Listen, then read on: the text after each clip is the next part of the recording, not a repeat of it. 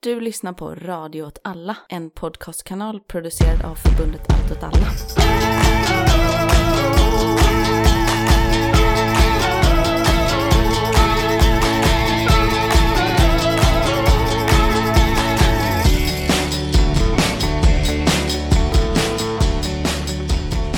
Hej och välkommen till Rörelse Udda krig och perspektiv. med mig Martin Hansson. Och med mig, Myran Andersson. Vi sitter här i eh, studion. Jajamän, Det är första maj. det är det. Mm. Solig, härlig första maj här i Malmö har vi eh, firat. Toppen. Mm. Promenerat, Det har vi gjort. sjungit. Det har jag också gjort. Mm. Fast jag borde inte gjort det kanske. Nej, du har varit sjuk igen. Ditt immunförsvar är ju... Jag är faktiskt lite eh, så, börjar fundera på vad fan det är liksom. Nu har jag varit förkyld tre, fyra gånger den här våren. Det tycker jag är orimligt. Så jag har hostat mycket och sånt också. Och eh, kanske har lite sliten röst nu då när vi ska spela in det här. Jag hoppas att den räcker ett helt avsnitt. För jag har också tajmat det som att det är, är jag som ska prata mest nu. Mm. För en gång skulle det jag som har en, ett avsnitt liksom. Mm. Och det vet vi ju alla hur det blir. nej, nej, förlåt. Um, första maj. Det var mycket folk, det var bra väder, det var kul att vi har som övat lite på sång innan. Vi tycker om att sjunga i vårt block. Men det kändes som att det var jättemycket folk som hängde på det också sen. Så det blev riktigt god, maffig sångstämning. Mm, det är trevligt. Vad är ditt eh, sämsta första maj-minne? Jag vet ditt sämsta första maj-minne. Berättade. Jag tänker på det här när du höll tal Ja. vid domkyrkan i Lund. Och kom på att det var inte färdigskrivet när jag var mot Halvvägs. ja, slutet. Ja. Jag började improvisera ganska mycket där. Mm. Och det märktes sen så många efteråt, det var jättebra. Konstigt mycket sa de det. Liksom. Ja, man Så knep det i kinderna. Och... att det var för att det var dåligt och eh, att jag inte skulle behöva konfronteras med det. Jag funderar själv vilka riktigt dåliga första maj-minnen man har. Men Det är inte heller, det kan inte gå så dåligt liksom. Det var, man kan ju ramla och slå sig någon gång. Jo, till visst, exempel. okej. Man ramlar, slår, slutar alla tänder. ens bästa vän dog, Den bästa vän dog. liksom. trillade. Ja. Det, okej, det kan hända. Men Man ramlar och så är det ett sånt kort staket. Just det, som spetsas. och så rakt i båda ögonen. Ja, Men inte djupt nog för att dö direkt. dö, utan nej, men man lever sen ute. Nej. Och nej, så sitter du där och säger man kan inte ha ett dåligt. Hur dåligt kan det vara egentligen? Ja, det är klart. Eller så är det så att man sitter fast där och så ska man komma och hjälpa sin kompis upp. Och då dör den när man drar upp. Ja, men den kunnat... Sjukhuspersonalen kommer och säger jag hade inte någon jävel dratt bort den från staketet, då hade den här personen överlevt. Den hade kunnat levt med sånt galler i ansiktet. Så man har mördat sin bästa kompis. Eller man liksom ut och går, man snubblar, ramlar ner i ett konstverk. Vilket, Konstverket är en pool med avklippta snoppar. oj, Och hela ens familj är med. Och så drunknar man i den. just det. Mm. Mm. Mm, det, hade, okej. det hade kunnat vara ett jättedåligt uh, första maj, uh, maj. Men du tänker att det... Har inte hänt mig. Nej, det har inte... Nej, det... Jag tänker att eh, det värsta som kan hända är att man inte lyckas jättebra med sin demonstration och det är inte hela världen. Ifall man jämför med något annat Nej. politiskt man gör som kanske är en eh, liksom, konkret politisk kampanj eller någonting man sysslar med. Då eh, känns det ju sugigare att misslyckas. Liksom. Mm. Det har man ju också gjort många gånger i livet. Det har man gjort. Det, har man gjort. Eh, det var en snabb recap här om första maj. Okej, jag har läst en bok. Ja, vad är det för bok? Jag har läst ehm, boken Ryska krigsskepp dra åt helvete. Just det, ett recensionsex har du läst om. Ja, precis. Från eh, Fri Tanke, heter den va? Den här liberala tankesmedjan Fri Värld. Nej, jag tror inte att de är kopplade. De är inte det, egentligen. bara råkar heta så. De bara råkar heta samma sak, nästan. Och Patrik Oskalen är liksom kopplad till båda. Så det är lätt att tänka, men jag tror inte att det är, är samma grej helt enkelt. Det är bara att de är liberaler och gillar det här med fri, ordet. Ja, nej, nej, du har rätt. Jag, jag har fel. Eh, det var dumt att jag sa det. Du kollade just upp det. Jag kollade upp det här. Jag har läst den här boken. Det är en antologi, säger man väl? Aha, ifall det är många olika små bidrag så Ja. säger man det. Och eh, de kretsar ju runt eh, försvarsvilja, kan man säga egentligen. Mm. Och försvarsförmåga, hur man skapar försvarsvilja. Så tar de ju avstamp, antologin tar avstamp då med liksom olika essäer. Med, med fokus på Ukraina på något sätt. Det är mycket berättelser från Ukraina och upplevelser från Ukraina. Och, eh, och sen så resonerar olika författare om, om försvarsvilja, hur det skapas, vad det består av och historiska exempel på försvarsvilja och, och hur man då stärker den. Jag kan väl känna spontant efter att ha läst boken, liksom lite snabba reflektioner, är väl att eh, den är lite platt. Mm. Det är lite så, Folket måste vilja försvara sitt land. En viktig komponent i det är att ens land inte är skitdåligt. Visst, men ja. Eh, nej, nej, nej, men det finns en poäng, Poäng. Ja. Men de vågar sägas. liksom inte riktigt, eh, de vågar liksom inte riktigt grotta ner sig i det här känner jag. nej. Vad det innebär och... De vill inte säga så, sälj inte ut skolan, för då kommer folk inte vilja försvara Sverige. Nej, det är ju mer kanske kretsar runt så här fri och rättigheter och så då, liksom typ journalister och liksom fri press och, och, sånt. Det blir inte jättemånga soldater ifall det bara är journalist som ska... Kriga. Ja. Nej. Min fördom säger också att de inte skulle vara så duktiga, men det kanske, det kanske de visst skulle vara. Can you snap a picture, then you can snap a neck. Ja. Ja, skulle de Precis. kunna ha som, som reklamkampanj om man ska få hundlistorna. Lite roliga grejer med boken är att den, den handlar liksom försvarsvilja, den handlar också om liksom källkritik i någon mening eller liksom ärlighet och pratar lite om fake news och så. Och sen så i den här boken så, för det första då, så bara titeln tar jag avstamp i, i det som är känt som Omen eller Snake Island, den här Russian Warship Fuck Off-berättelsen. Och jag vet inte om folk minns den här, det är tidigt från kriget, det är robotkryssaren Moskva till och med va? Som hotar eh, Omen och eh, soldaterna i garnisonen på Omen. Och säger liksom ryska, förlåt, ni ska liksom eh, ge er, lägg ner era vapen, Ah, annars kommer vi beskjuta en eller någonting. Och så svarar soldaterna Russian Warship Fuck Off. Eh, klatschar på engelska. ja, och på ukrainska så är det väl till och med att de säger, eller ifall det är ryska, jag vet inte vad de pratar, som säger hoppa upp på den. Eller någonting. Fuck off är liksom betyder Ja, ja. eller, Sätt dig på den här och snurra runt. Liksom. Ja, jag tror Mm. på något sätt att det är... Ja, och det är ju lite ironiskt då att den berättelsen om Omen är ju lite en myt. Okej. Alltså inte att, inte att de har sagt det, utan att berättelsen i den var ju att de här sen dog allihopa. Just det. Och Zelenskyj gav dem väl till en postmortum medaljer och så. Men de dog inte, de kapitulerade och la ner sina vapen. Ja. Ehm, och det finns lite återkommande boken, så här, de tar upp Ghost of Kiev till exempel och så också. Vilket man ju sen vet. Oj, och de säger att det är en, en grej. Nej, men det, det är väl mer så här på också en eh, fritt eh, onanerar över olika krigshändelser. Och så.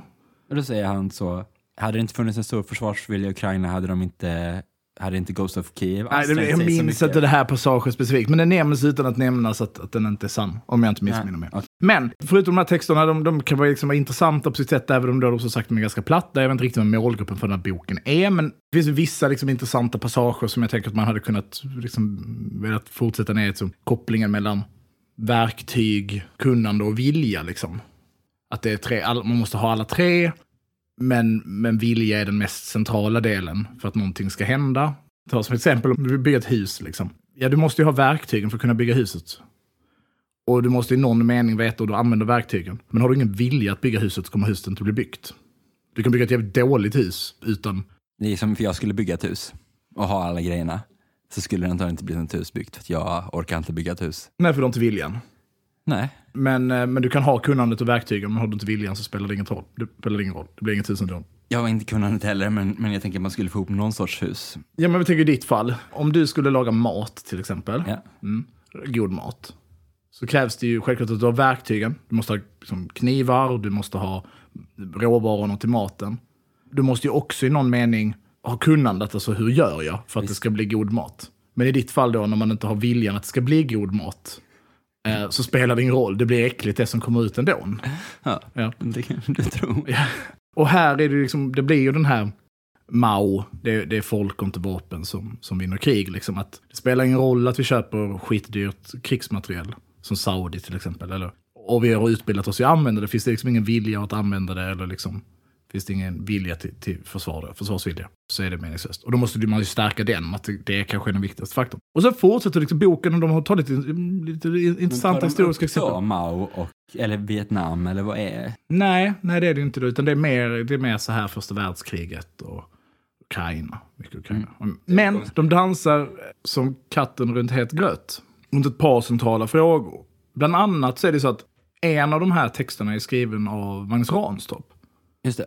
Och utan att liksom gå in i detalj angående honom så kan man väl säga att han generellt tillhör en tendens inom det svenska samhället som väljer att lägga både att få vara någon typ av terrorexpert generellt och om, liksom, om jihadism generellt, men att han lägger väldigt stor vikt vid att diskutera islamistiska tendenser i Sverige. Nu är jag väldigt diplomatisk här när jag beskriver honom känner jag, men, men jag tänker att det, det kan man liksom, så, bara för att försöka rama in det. Och mitt intryck av, av Magnus Ranstorp är ju att han och den, liksom, det, det kapitlet i boken, eller den delen, texten i boken, handlar liksom om hur islamister undergräver svensk sammanhållning. Okej. Mm. Men du vet så här med olika imamer och moskéer som kanske egentligen är lojala mot någon annan. Jada, jada, jada. Mm. Så, mm. Det man liksom inte alls med ord nämner i boken, och han inte heller gör explicit, är ju att diskutera, men vad gör Magnus Ranstorp liksom? Och vad gör rasism med ett samhälle? Och jag anklagar inte honom direkt för det, liksom. Även om man med visst fog skulle kunna göra det. Men jag tänker liksom med Sverigedemokrater och, och allt. Vad gör det med försvarsviljan av ett land?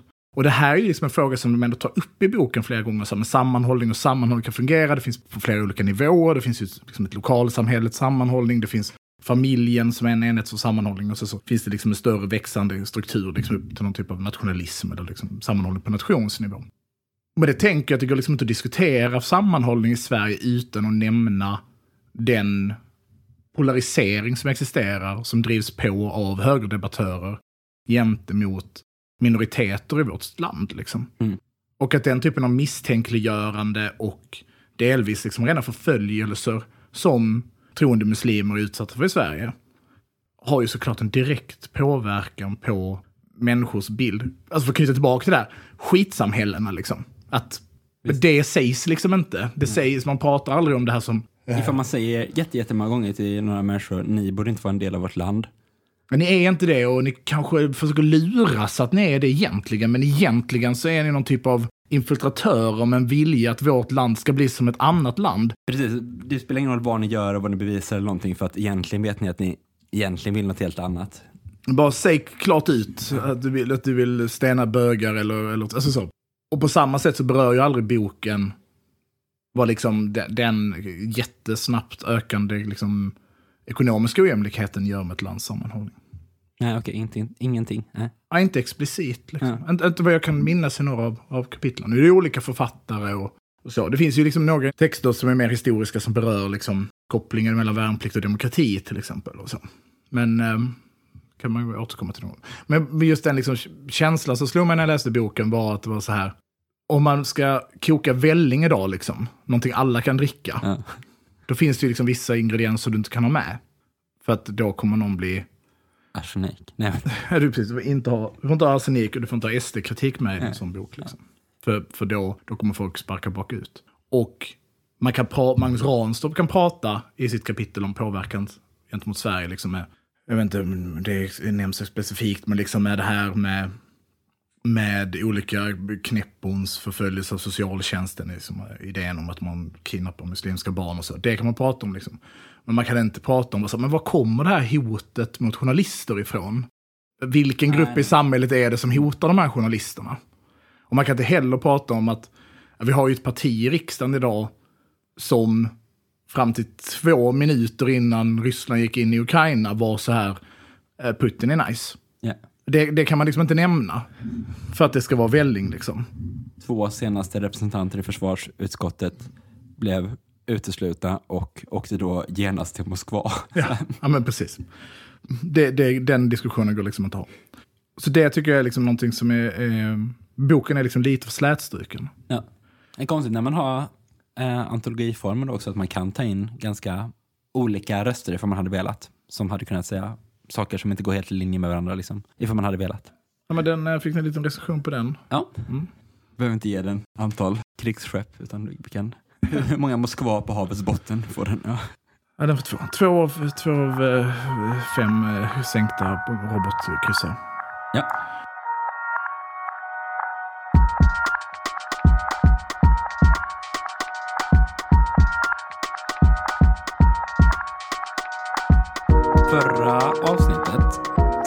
Jag en kort nyhetsuppdatering om utvecklingen i Sudan. Och så vi kanske skulle återkomma till den ifall det fortfarande var igång och sånt. Och det är det ju verkligen. Och eh, det är svårt att se just nu att det ska bli så mycket bättre. Det finns ingen riktig förhandlingslösning på gång eller någonting. Sverige har evakuerat massa personal och annat från landet, liksom många andra länder. Det har varit lite kortare vapenvilor för att folk ska få gå och typ skaffa mat och sådana saker. Vi glömde ju en kille på Djiboutis flygplats. Ja, mycket märkligt. Det är deppigt alltså. Jag läste faktiskt en sak om det med ambassaden, att evakuering av, av ambass, ambassaderna, av västerländska ambassader. En ganska fucked up bieffekt av det är ju att det är massa människor som har skickat in sina pass och sånt för att de ska få visum till olika länder. Och sen har liksom bara ambassaderna bara stängt och dragit. Så passen är kvar där inne och de kan inte få ut sina pass. Så då kan de liksom inte fly till Egypten eller Chad. Att man flyr till Chad Ja, visst. berättar ju lite om, om hur situationen i Sudan är. Ja. Ja, men vi har ju spelat in ett avsnitt tidigare om, om konflikten i Sudan. Då var det mer utgångspunkt på den revolution som skedde i landet eh, för, för många år sedan. Kommer du ihåg vad avsnittet heter? Det heter Har du hört talas om revolutionen i Sudan? Just det. Sen pratade vi ju som sagt om, om händelserna, eh, senaste händelseutvecklingen nu i förra avsnittet. Och eh, försökte lite förklara vilka liksom, rent militära fraktioner det är som är delaktiga i konflikten. Och på lite på ytan om vad, liksom, vilken grund konflikten har. Men jag vet ju att du har läst på en del sen dess och eh, följt utvecklingen. Som ju är, inte egentligen pekar väl på att den håller på att stanna av. Nej, man kan bara säga då om liksom, ifall det är ett inbördeskrig nu, kan man väl säga då, vad det står just nu. Och då är det väl så att den sudanesiska armén, Sudanese Armed Forces, SAF, de kontrollerar de norra och östra delarna av landet. Och sen så har den här då gruppen Rapid Support Forces, de har sin maktbas i Darfur, framförallt i södra Darfur. Och där finns det ett par städer, framför allt eh, Niala kanske det heter, som är huvudorten i södra Darfur, eh, som har 500 000 invånare. Men sen så är det ett antal liksom, städer som är omstridda och framför allt så är ju huvudstaden Khartoum en utav de städerna som är omstridda. Och Khartoum kan man ju säga ligger ju precis där blåa och vita Nilen rinner samman och blir bara Nilen. Så det ligger liksom tre stränder runt den här flodkorsningen, eller vad man ska kalla det. Och varje strand har liksom en egen stad. Så man kan säga att det strider i alla de tre städerna då, att det är Omduram, Khartoum och norra Khartoum är det liksom. Men de här striderna är liksom inte så mycket som att det finns typ frontlinjer och så, att de håller hela områden, utan det är ganska mycket att de håller framförallt viktiga byggnader, viktiga liksom en militärbas och ett flygfält och sådana saker och vissa kvarter och så. Och det kanske mer är att då har man patruller och vägspärrar och så på de större områdena. Men det är ju väldigt röriga strider, är min bild av det fortfarande där. Liksom. Ja, sen så finns det liksom då någon remsa mellan den här delen av södra Darfur och upp till Khartoum som Rapid Support Forces också håller då, liksom, så att det är ett sammanhängande område och de flyttar väl antagligen in trupp från Darfur upp dit. Hur går det? Det är fortfarande svårt att säga. Du var inne på det här lite förra gången att det verkar ju kanske som att Rapid Support Forces har mer liksom umf på något sätt. Att de är mer motiverade kanske och ja, slog väl i någon sorts ändå överraskningsläge även ifall det var ganska uppenbart vad som var på gång från början. Medan då SAF har tyngre beväpning och tillgång till flygvapen och så. Så det är väl deras edge liksom. Men vilket är viktigast? Vad, vad tar ut varandra på sikt? Det återstår att se. Så ifall vi bara lämnar liksom slagfältet där och istället går tillbaka till bakgrunden, liksom, varför blev det så här? Då tror jag att man väldigt mycket, som jag har stått och på, måste fokusera på ledaren för RSF, som heter Hemeti. Eller han kallas det. Egentligen heter han Mohammed Hamad Dagalo. Men hans smeknamn betyder som, alltså typ som en mamma kallar sin son Mohammed. Då är det som ett slang liksom i Sudan. På skånska kanske man ska säga Lille Mohammed då, liksom att det är hans eh, smeknamn som är känt, precis som Stalin var lillefar eller någonting, jag vet inte. Och vem är han då?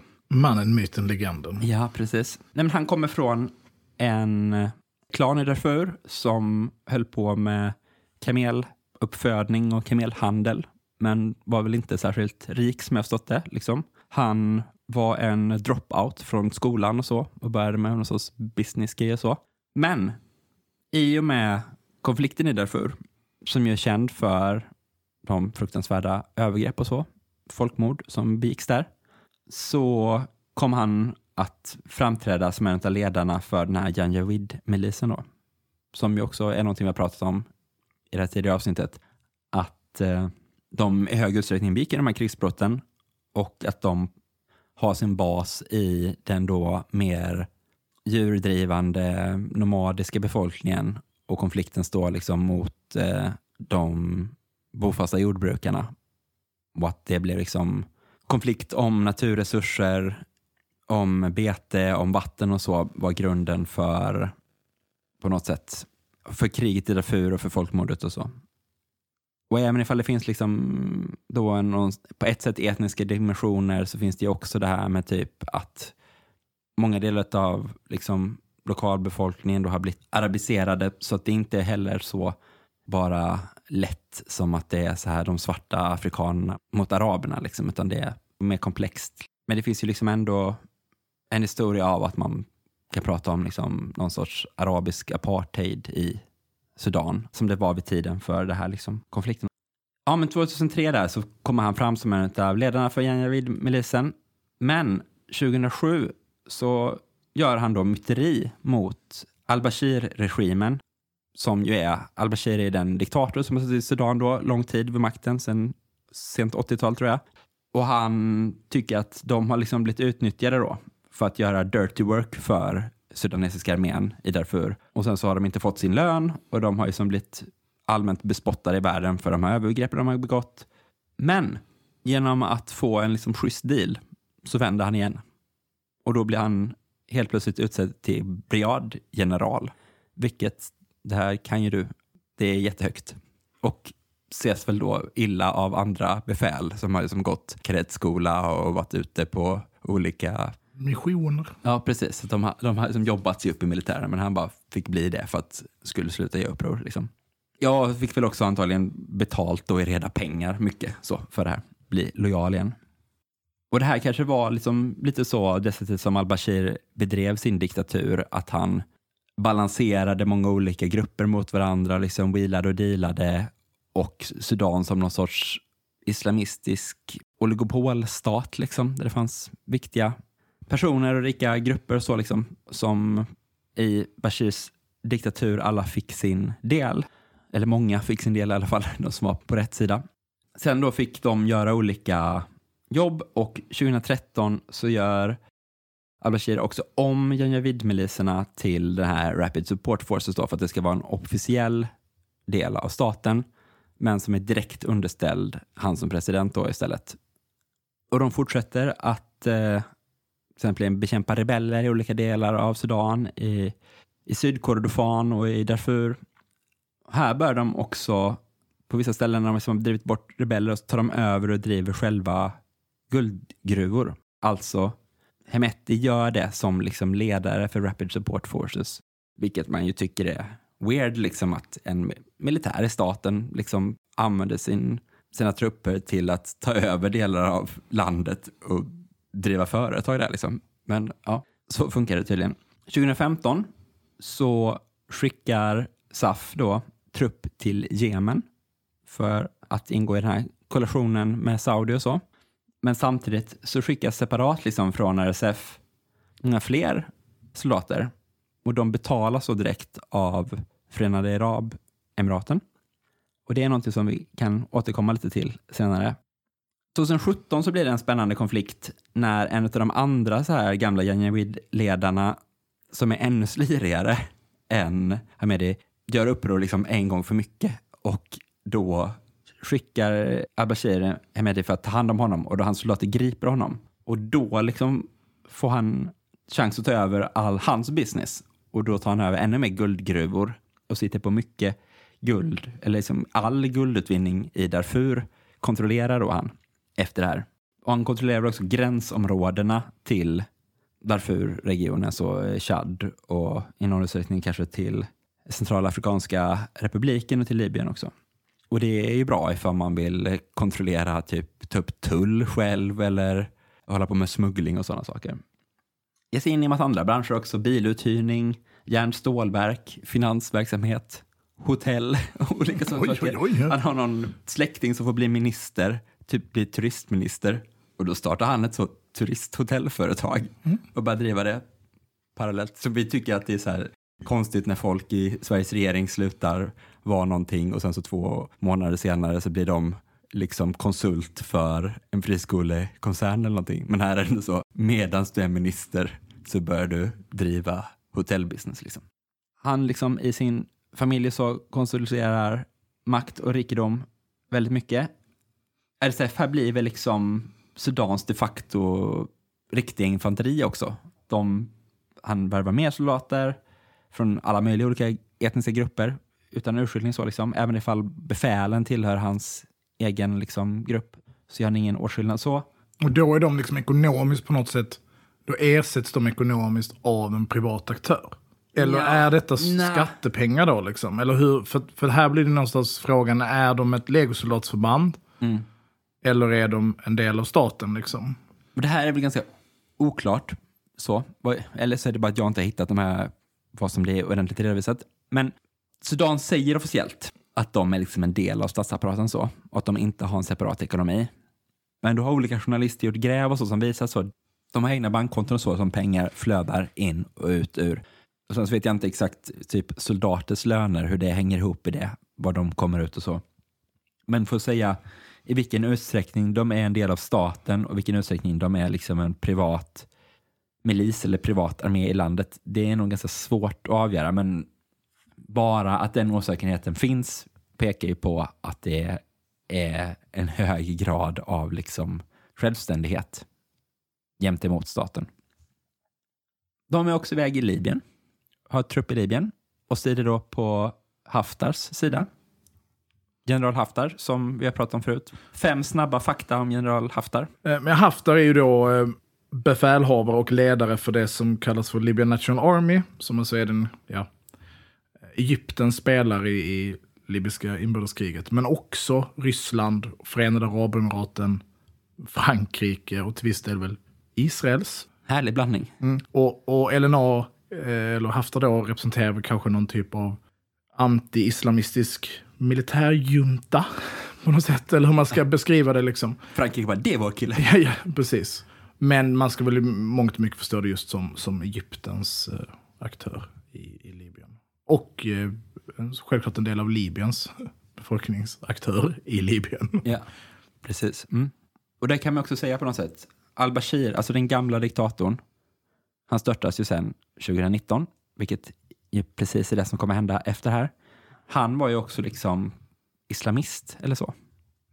Så innan här så är ju på något sätt eh, både armén och RSF, alltså både SAF och RSF är ju en del av en islamistisk stat, liksom underordnade där. Men då 2018, som i det här protesterna som ska bli revolutionen tar fart. Det här som vi pratade om i det här tidigare avsnittet. Och de protesterna är ju på något sätt levnadsomkostnadskrisprotester på något sätt.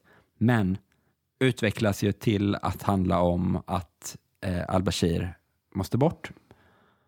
Och de här folkliga protesterna leder ju till att militären i april kuppar bort al-Bashir. Och vilka är det som tar över då? Jo, det bildas ett Transitional Military Council, som det heter, som det brukar heta. Det heter det i ganska många länder där man kuppar bort någon och gör ett militärråd istället. Att man, I Libyen bland annat. I Libyen bland annat, i Chad också, har de också haft ett sånt övergångsråd.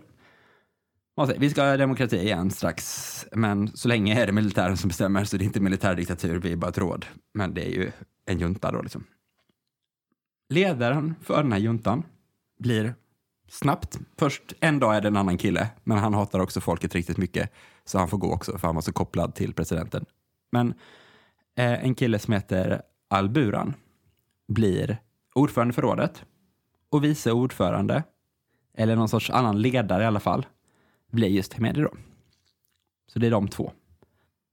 Men det var inte det här folk ville ha med sitt uppror, utan de ville ju ha demokrati och så. Så processerna fortsätter och den 3 juni så sker den här kända då massaken som RSF tillsammans med polisen utför mot en sit-in i Khartoum.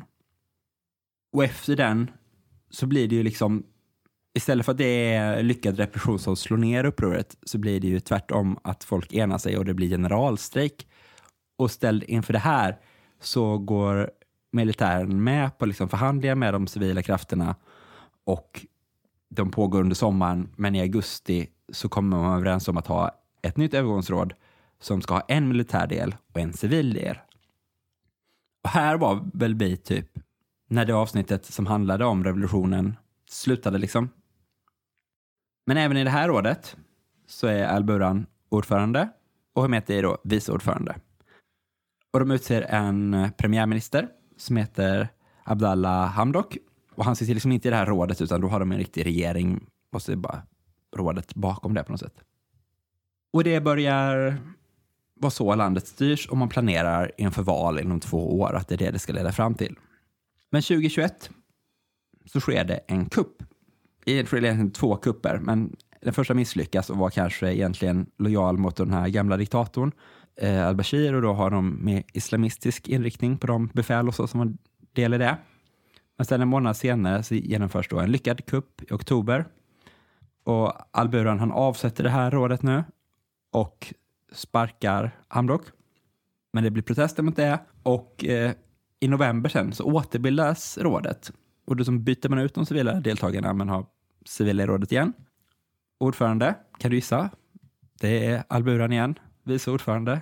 Det är väl Medi igen då? Ja, Hemeti. Eller Hemeti. Ja. Så de, de kör på den, det är samma linje liksom. Och Hamdok återvänder också som premiärminister, men visar sig att det sker liksom under direkt hot. Så du måste bli premiärminister igen, annars så dödar vi dig. Konstigt. Det är sällan det är så om man kommer till makten. Sällan ett sånt scenario. Men mm, Jag har till exempel aldrig varit med om det. nej, inte heller. Eh, Men han avgår faktiskt sen i januari 2022. Och Alburan framhärdar i att de ändå ska hålla val 2023. Men här är det liksom ganska uppenbart att Alburan är liksom den de facto bara härskaren över liksom Sudan nu. Han leder den här militärjuntan. Det, han kanske vill ha val 2023 eller inte, vem vet? Och båda sidorna har väl också skrivit under det här pappret. RSF har väl också godkänt eh, övergången. Absolut, ja visst. Eh, Sen så då börjar de förhandla om hur det här ska gå till och så, planera. Och i det så gör de en deal som också innefattar liksom en militär reform. Och det är väl här som blir liksom det som konkret kanske leder upp till hur det är idag. För där säger man att där måste RSF underordnas den vanliga militären. Det måste ingå i en normal militär liksom, struktur, befälsordning och så. Men det vill inte ledarna för RSF göra direkt, utan de säger det här borde ta tio år. Vilket väl är ett tecken på att man inte vill göra det alls. För Mycket papper som ska skrivas. det är väldigt bara papper som ska skrivas på då. Utan det är bara för att inte säga nej till den här dealen. 2022 också, den 24 februari. Eh, Är det ett datum som är bekant.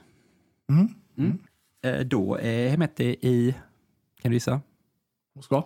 Ja, han är i Ryssland Ja. den 24 februari när Ryssland inledde sin invasion av Ukraina. Ja, och sen nu då, det som verkar utlösa det här kriget som har startat mellan RSF å ena sidan och SAF å andra sidan, det är ju att RSF inte vill inordna sig enligt den här dealen och säger att eh, Alburan har liksom svikit Eh, Sudan och är en lögnare och så. Det är därför de måste göra det här upproret. Men det verkar ju egentligen handla om det.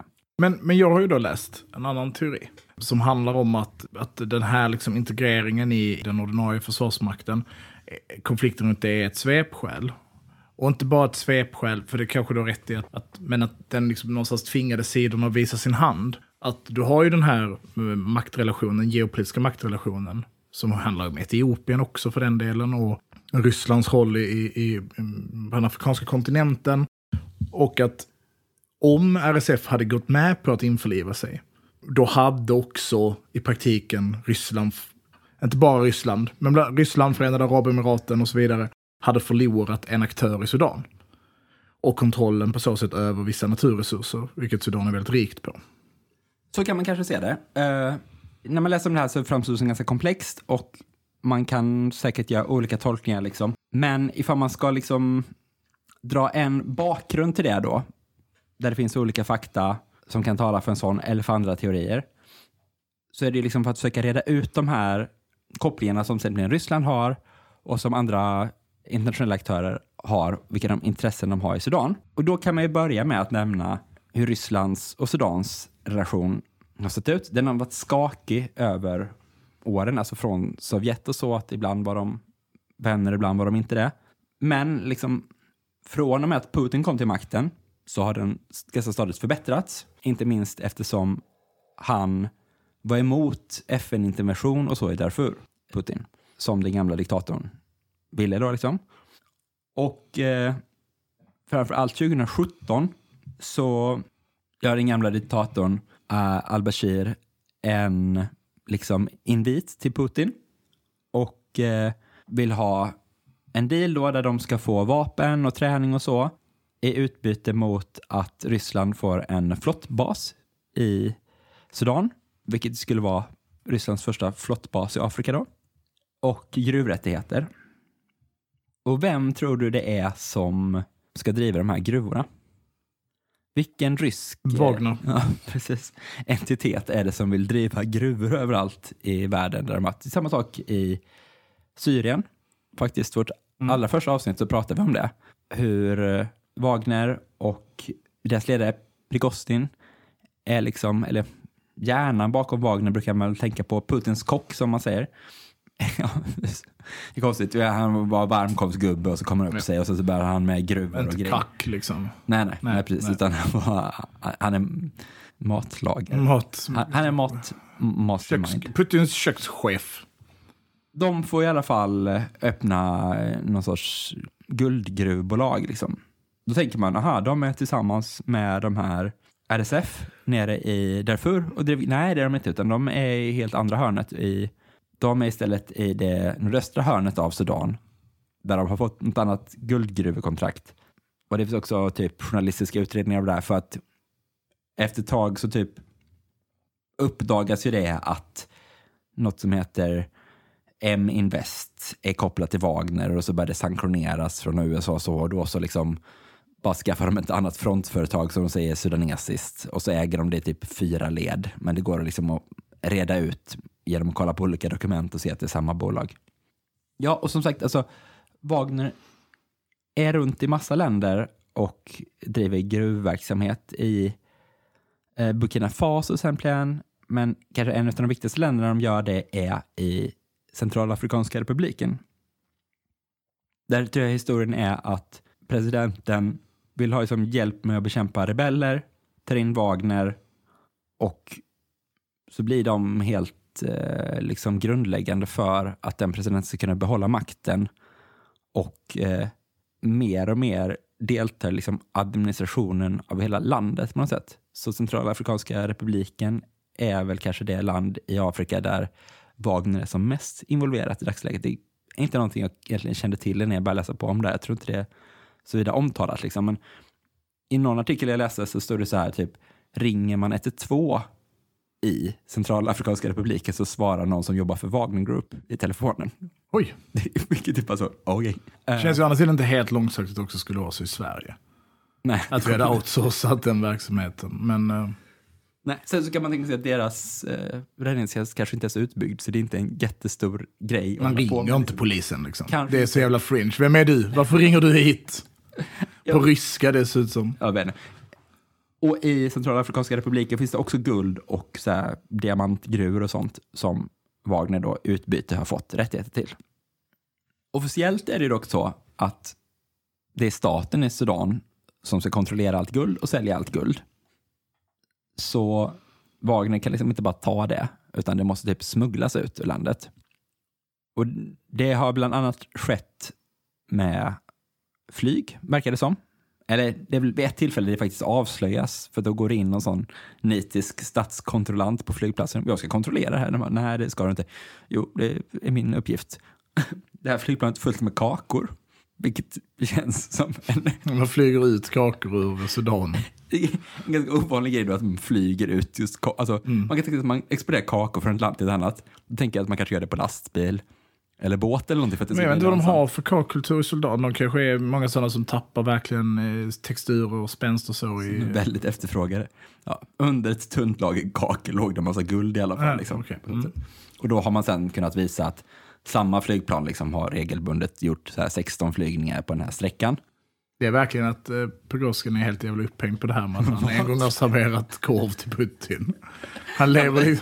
Vad ska vi dölja det under? Ska vi dölja det över, eh, över teknologi? Nej, nej, det tar inte teknologi. Äh, vad, här, vad är det då vi flyger ut då? Kakor. nej, men det är så jävla tunt det här. Ja. Eh, Man försöker liksom inte ens. Är ju vibben man får. och vart flyger det här flygplanet? Jo, till Latakia. Säger man så? Latakia? Mm, kanske. Jag kan inte. Ja. Vart ligger det? Det ligger i Syrien. Det ligger i Syrien, precis. Den ryska flottbasen i Syrien. Precis. Så flyger man ut guld från Sudan till Mm. den platsen i Syrien, då är det ju Ryssland som det ska gå till.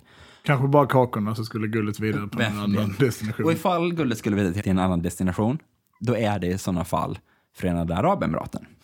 För att de visar sig vara de som tar hand om en stor del av allt guld som lämnar Sudan. Det är så jävla taskigt om, om, om de har blåst Wagner liksom. Nej. Förenade Arabemiraten har blåst Wagner och så här, vi ska flyga ut ett flygplan. Det är fullastat med kakor och guld. Ni får kakorna. Ja, ja, vi tar den. Vad är det för kakor? Ja, ja, ja. Nej, Prigozjin säger att det är riktigt goda. Det går, jag, om du Nej. fortsätter prata så kollar jag upp kakkulturen i... eh, Jag är ganska säker på att när de åker till Förenade Arabemiraten så är det också ett mellansteg för att komma Ryssland till del sen. För att en del av guldsmugglingen från Sudan verkar istället gå via Darfur, där RSF kontrollerar, MT kontrollerar, in i Centralafrikanska republiken och därifrån gå till Förenade Arabemiraten och till Ryssland. Varför är Ryssland så himla peppa på att ta guld? Ja, för att de inte har dollar längre väl? Precis. Sanktionerna gör att de inte kan använda sin valuta så bra och de kan inte använda dollar, utrikesvaluta. Men guld är liksom en valuta som är omärkt på något sätt liksom, och som alla tar emot. Den här nitiske tjänstemannen, eller hur det nu var, jag vet inte exakt hur det var. Men, men undersökningen av det här guldsmugglandet, det kommer liksom upp i en civil antikorruptionskommitté. För det här är nämligen år 2021. Ja, när någon försöker ha ett riktigt samhälle liksom. De här som stackars hälften av rådet i det här liksom suveränitetsrådet som det heter när militärrådet är nedlagt, övergångsrådet är nedlagt, vi har ett nytt råd. Det heter suveränitetsrådet såklart. Mm. Då är det, häl- inte supersuveräna men... det är liksom hälften militärer, eh, det är Alburan och Hameti de ledare, ordförande, vice ordförande. De är mest intresserade av kanske guld, kanske hålla på med militären och sådana grejer. Kanske, jag vet inte, kanske parader, nya vapen, sånt. Den här andra halvan av styret, vad ska de hålla på med? Kanske antikorruption, då, tänkte de var en bra idé. Presentera sin rapport. Inte en bra idé, för en månad efteråt så blir det kupp. Och man avsätter dem. Så det, jag tror inte det är så lätt, för då hade man väl bara mördat typ de som var i antikorruptionskommittén eller någonting. Men det kan ju finnas liksom en koppling till att man tycker så här, den civila styret här tar sig för mycket ton nu. Vi håller på med vår guldsmugglarbusiness och eh, allmänt bara äger det här landet. Och vi är också beroende av eh, Ryssland på massa liksom, faktorer. Och vi behöver samarbeta med dem. Det är vår huvudsakliga vapenimportör och så vidare. Precis. De vill också köpa våra Bazema. Okej, Ja. ja. kakorna. Som jag tänker att det är för de innehåller då ägg, yoghurt Oj. och lite annat. Det står sig inte bra. Det tror jag inte man bara kan skeppa iväg. Liksom. Jag tror de torkar ut riktigt. ordentligt. Det är som typ en sockerkaka med glasyr på. Det låter gott. Eh, det, är- absolut, det är trevligt. Det är den mest populära traditionella sudanesiska kakan. Ja. det är jättebra. Ja. Eh, så ifall man tänker sig att det här är mer liksom någon sorts bakgrund som sätter scenen inför den här konflikten som kommer nu också, då känns det ju som att okej, i alla fall Wagner har ett intresse av att RSF inte blir inordnat till staten som vem som helst, för då får man kanske sluta med den här guldsmugglingen. Ifall den här processen med att inordna armén leder fram till demokratiska val, då kanske de här jävla antikorruptionskommittéerna kommer igång igen och sådana saker. Dessutom är det så att den här flottbasen som lovades då av den förra diktatorn, den har sett sen Alburen och så liksom gjort en andra översikt av. Liksom, för nu är det ju de, ska ju de bli demokrati och så, och då kanske inte den här gamla dealen gäller. Men där kom de ändå fram till att en flottbas säger militären ja till i alla fall. Men de säger också det måste finnas en, liksom, ett parlament i det här landet som godkänner en sån deal. För man ger inte en flottbas till någon annan ifall det inte är ett parlament som skriver under det. Så vi måste vänta på att de här valen sker innan ni får det. Liksom. Innan ni får börja bygga er flottbas Ryssland. Så det kan ju också vara ett incitament för liksom rysk politik genom Wagner att vara så. Men de här delarna av militären som vill ha val eller som vill ha ett parlament som bestämmer, vi kan inte vänta på det. Vi vill inte att det är de som styr det. Eller så kan man tänka sig att Wagner har ett intresse särskilt från staten. Liksom, det blir ju svårt i och med att fram tills nu så är på något sätt RSF och SAF på samma sida. De är båda sudanesiska staten. Och nu är de helt plötsligt två olika fraktioner. Alla som förut har stött Sudan, ska de då stödja armén eller Rapid Support Forces? Man kanske inte kan räkna in den gamla lojaliteten så. Det står också så här på många ställen, typ det är Rapid Support Forces som har fått mest stöd från Wagner i form av träning och i form av vapen. Det tycker jag det låter ju som att det mycket väl skulle kunna vara så. Men det är svårt att kolla upp några uppgifter. Vilken träning då? Hur många träningsläger har de haft? Med vem då och så? Så det kan jag liksom inte bekräfta. Men någonting som man verkar ha sett nu i alla fall, det är att vad är det liksom RSF saknar? Som sagt, det är ju stridsflyg då, alltså luftherravälde. Ifall man inte har det, vad är det näst bästa att ha mot flyg? Luftvärnssystem då? Precis. De behöver luftvärnssystem. Då har man spårat att ett flygplan har flugit, återigen, från Latakia, Latakia Ja, ja. i Syrien, mellanlandat hos Haftar i Libyen, flugit till Sudan och liksom airdroppat ner SAM-system. Jag vet med vilka. fallskärm. Nej, det vet jag inte, men du kan få kolla på den artikeln Mm. sen så kanske det står.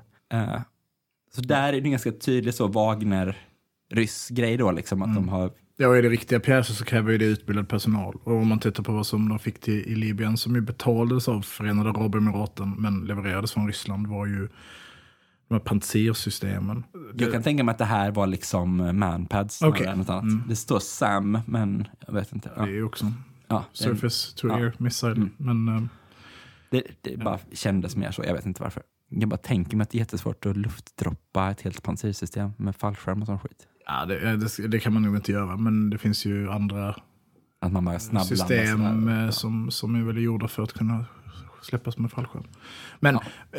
eh, det behöver inte... Men jag, jag måste bara, jag, jag hör ditt, ditt case här, jag bara ställer mig frågan, så här, men kan man inte förstå det då som att det finns motsatta intressen inom den här staten? Och att det är de nu som på något sätt har öppnat upp sig. Alltså att, men vi har ju de här intressena med koppar och guld och så vidare i, i, i Sudan. Vi har dammbygget Etiopien, där det finns en konflikt mellan Etiopien och Egypten och, och eh, Etiopien, en konflikt där. Och att Sudan spelar en väldigt viktig roll i det, precis som du säger, angående Nilen, i relation till Nilen. Och att vi vet att Rysslands stöd för Etiopien har varit ganska starkt. Eh, vi vet också att RSF har kontrollerat de områdena som vill angränsa till Etiopien. Nja. Är relativt starka, i alla fall södra Sudan. Ja, de är i närheten. Och Etiopien har också anspråk på delar av Sudan. Och jag läste nu att de tydligen har försökt gå in Mm. och blivit tillbakaslagna av eh, Sudans armé. Just det, för de har då så här, nu är det oroligt, vi, vi kan gå in och sä- säkra civila eller, och så vidare. Och sen i praktiken så går man in och tar en bit mark man gör anspråk på som tidigare. Ja. Men att det kan ju också finnas en vilja, eller det kan uppfattas från Rysslands sida till exempel, att det här förhalandet av beslutet om flottbasen handlade om att blidka USA eller blidka eh, Egypten då, eller förlängningen, eh, eller Europa. Liksom. Ja. Och att Undrar vad den här civila, eller om medan den här civila delen av rådet var liksom aktivt så verkar det också som att man har stärkt banden med västmakten. Liksom, för att då är de mer intresserade av Sudan. Att de ska ha en process, mm, det ska bli ett parlament och demokrati och så. Liksom, att, Ja, men också att man får möjligheten då att den här maktspelaren eller den här strategiskt viktiga platsen med de här tillgångarna också kunde skifta sida nu. ja. Eh, Absolut. Så kanske man också ska förstå Så det. kan man absolut uttrycka. Nu lät det som att... De gillar demokrati i väst. Det var inte det det jag... Så, Nej. nej. Nej, absolut, att det var en öppning för västvärlden att liksom... Och att det finns ju också en och göra deals med folk. Precis, och det finns ju en konflikt mellan Wagner och Frankrike. Som är specifikt Wagner och Frankrike. Som ju är kopplingen att Wagner allt mer börjar fylla den rollen. I Mali till exempel. Ja, och, och, ja, just, Precis. Centralafrikanska republiken. precis, och Kongo och så vidare. Det finns ju liksom en... Att Wagner börjar vara den här typ Guns for hire på något sätt som Frankrike tidigare har spelat där. Eh, Och då finns det såklart en geopolitisk spänning i det också. Det, också- det finns ju massa så spännande så här typ, okej, Egypten, de vill också ha så här typ sekulär militärdiktatur. De tycker det är bra ifall det är samma system i Sudan typ. Nu har det blivit den här splittringen. Det naturliga för dem är på något sätt kanske att ta statens sida då. De här Rapid Support Forces tillfångatog ju också egyptiska soldater. Det blev riktigt dålig stämning där.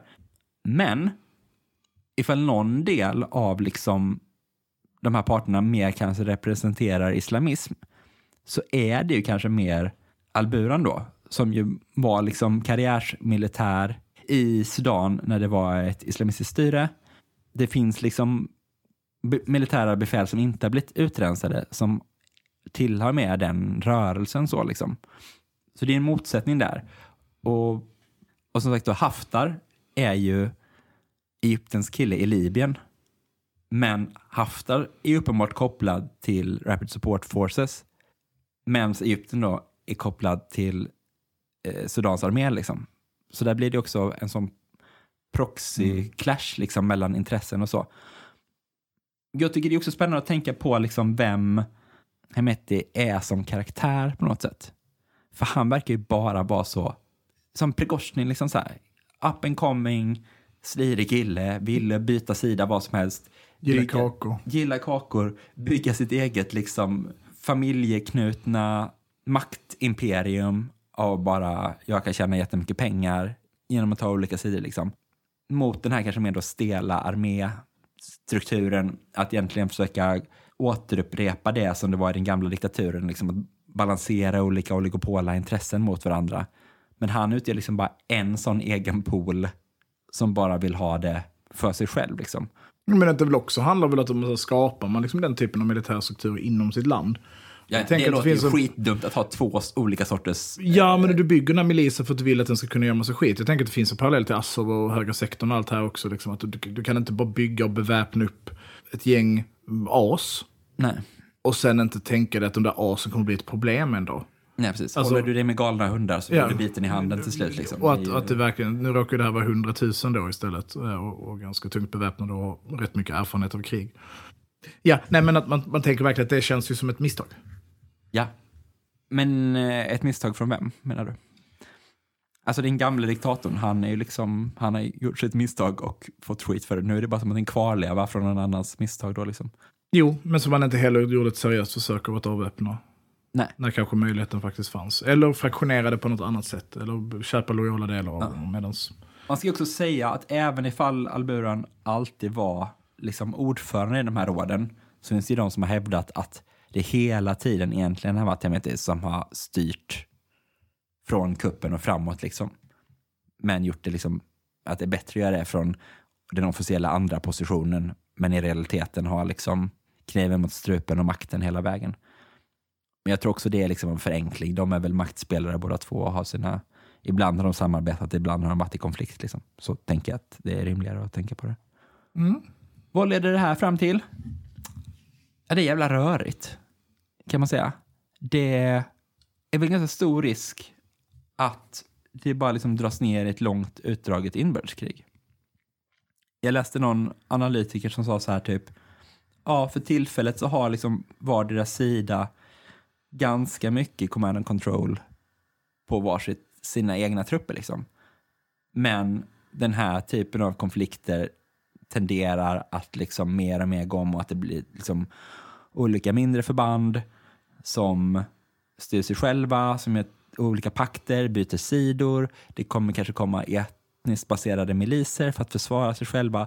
Det var något ställe som skrev om att RSF redan börjat begå så Folkmord, ja, etnisk rensning. etnisk rensning och sådana saker i Darfur, liksom, nu när de har chansen då på något sätt igen. Och det kan man ju tänka sig tyvärr en utveckling som, kan, eh, som verkligen kan hålla i sig. Och det tycker jag också ger ett så jättetråkigt, tragiskt liksom, perspektiv på det avsnittet vi gjorde sist. Om liksom vilken potential uppror har att vinna och uppnå någonting. För då var det ändå så, okej, okay, det verkar kanske inte bli demokrati eller de har det här rådet och sånt, men de hade ändå liksom fått igenom ett gäng reformer och så, förbjudit kvinnlig könsstympning och sådana saker. Liksom, att det var ändå så typ, de vann någonting på att göra det här upproret. Liksom. Men ja. det är väl alltid, man, man spelar för att vinna och ibland så kommer också uppror bara förlora och leda till elände på något sätt. Liksom. Historien är inte slut här. Det, det är ju tack och lov inte. Med de muntra orden så tar vi och avslutar. Mm. Um, tack så jättemycket för att ni har lyssnat. Tack så jättemycket. Man kan följa oss på Instagram, bländar heter vi l.och.rorelse. Man kan följa oss på Facebook, där heter vi Eldorörelse. Man kan också följa oss eh, personligen, då är det enklast via Twitter. Där heter jag trojkan1337 och du heter slukhål. Och eh, stort eh, tack till vår klippare. Ja, jättestort tack. Som vi då, eh, som premierar nu, som mm. det här avsnittet är så jävla mycket mer vastklippt än tidigare. Så är det alltså Lovina som vi ska tacka. Ja. Hoppas ni har haft en eh, bra första maj. Ehm, och eh, bli patrons. Köp en t-shirt. Kom på introduktionsmöte på tisdag. Eller när det nu är. I allt åt alla. Alltså. Inte eldrörelse, vi har inte... Inte än. än. Um, ge oss alla dina pengar. Ja. Ha det fint. Hej då. Hej.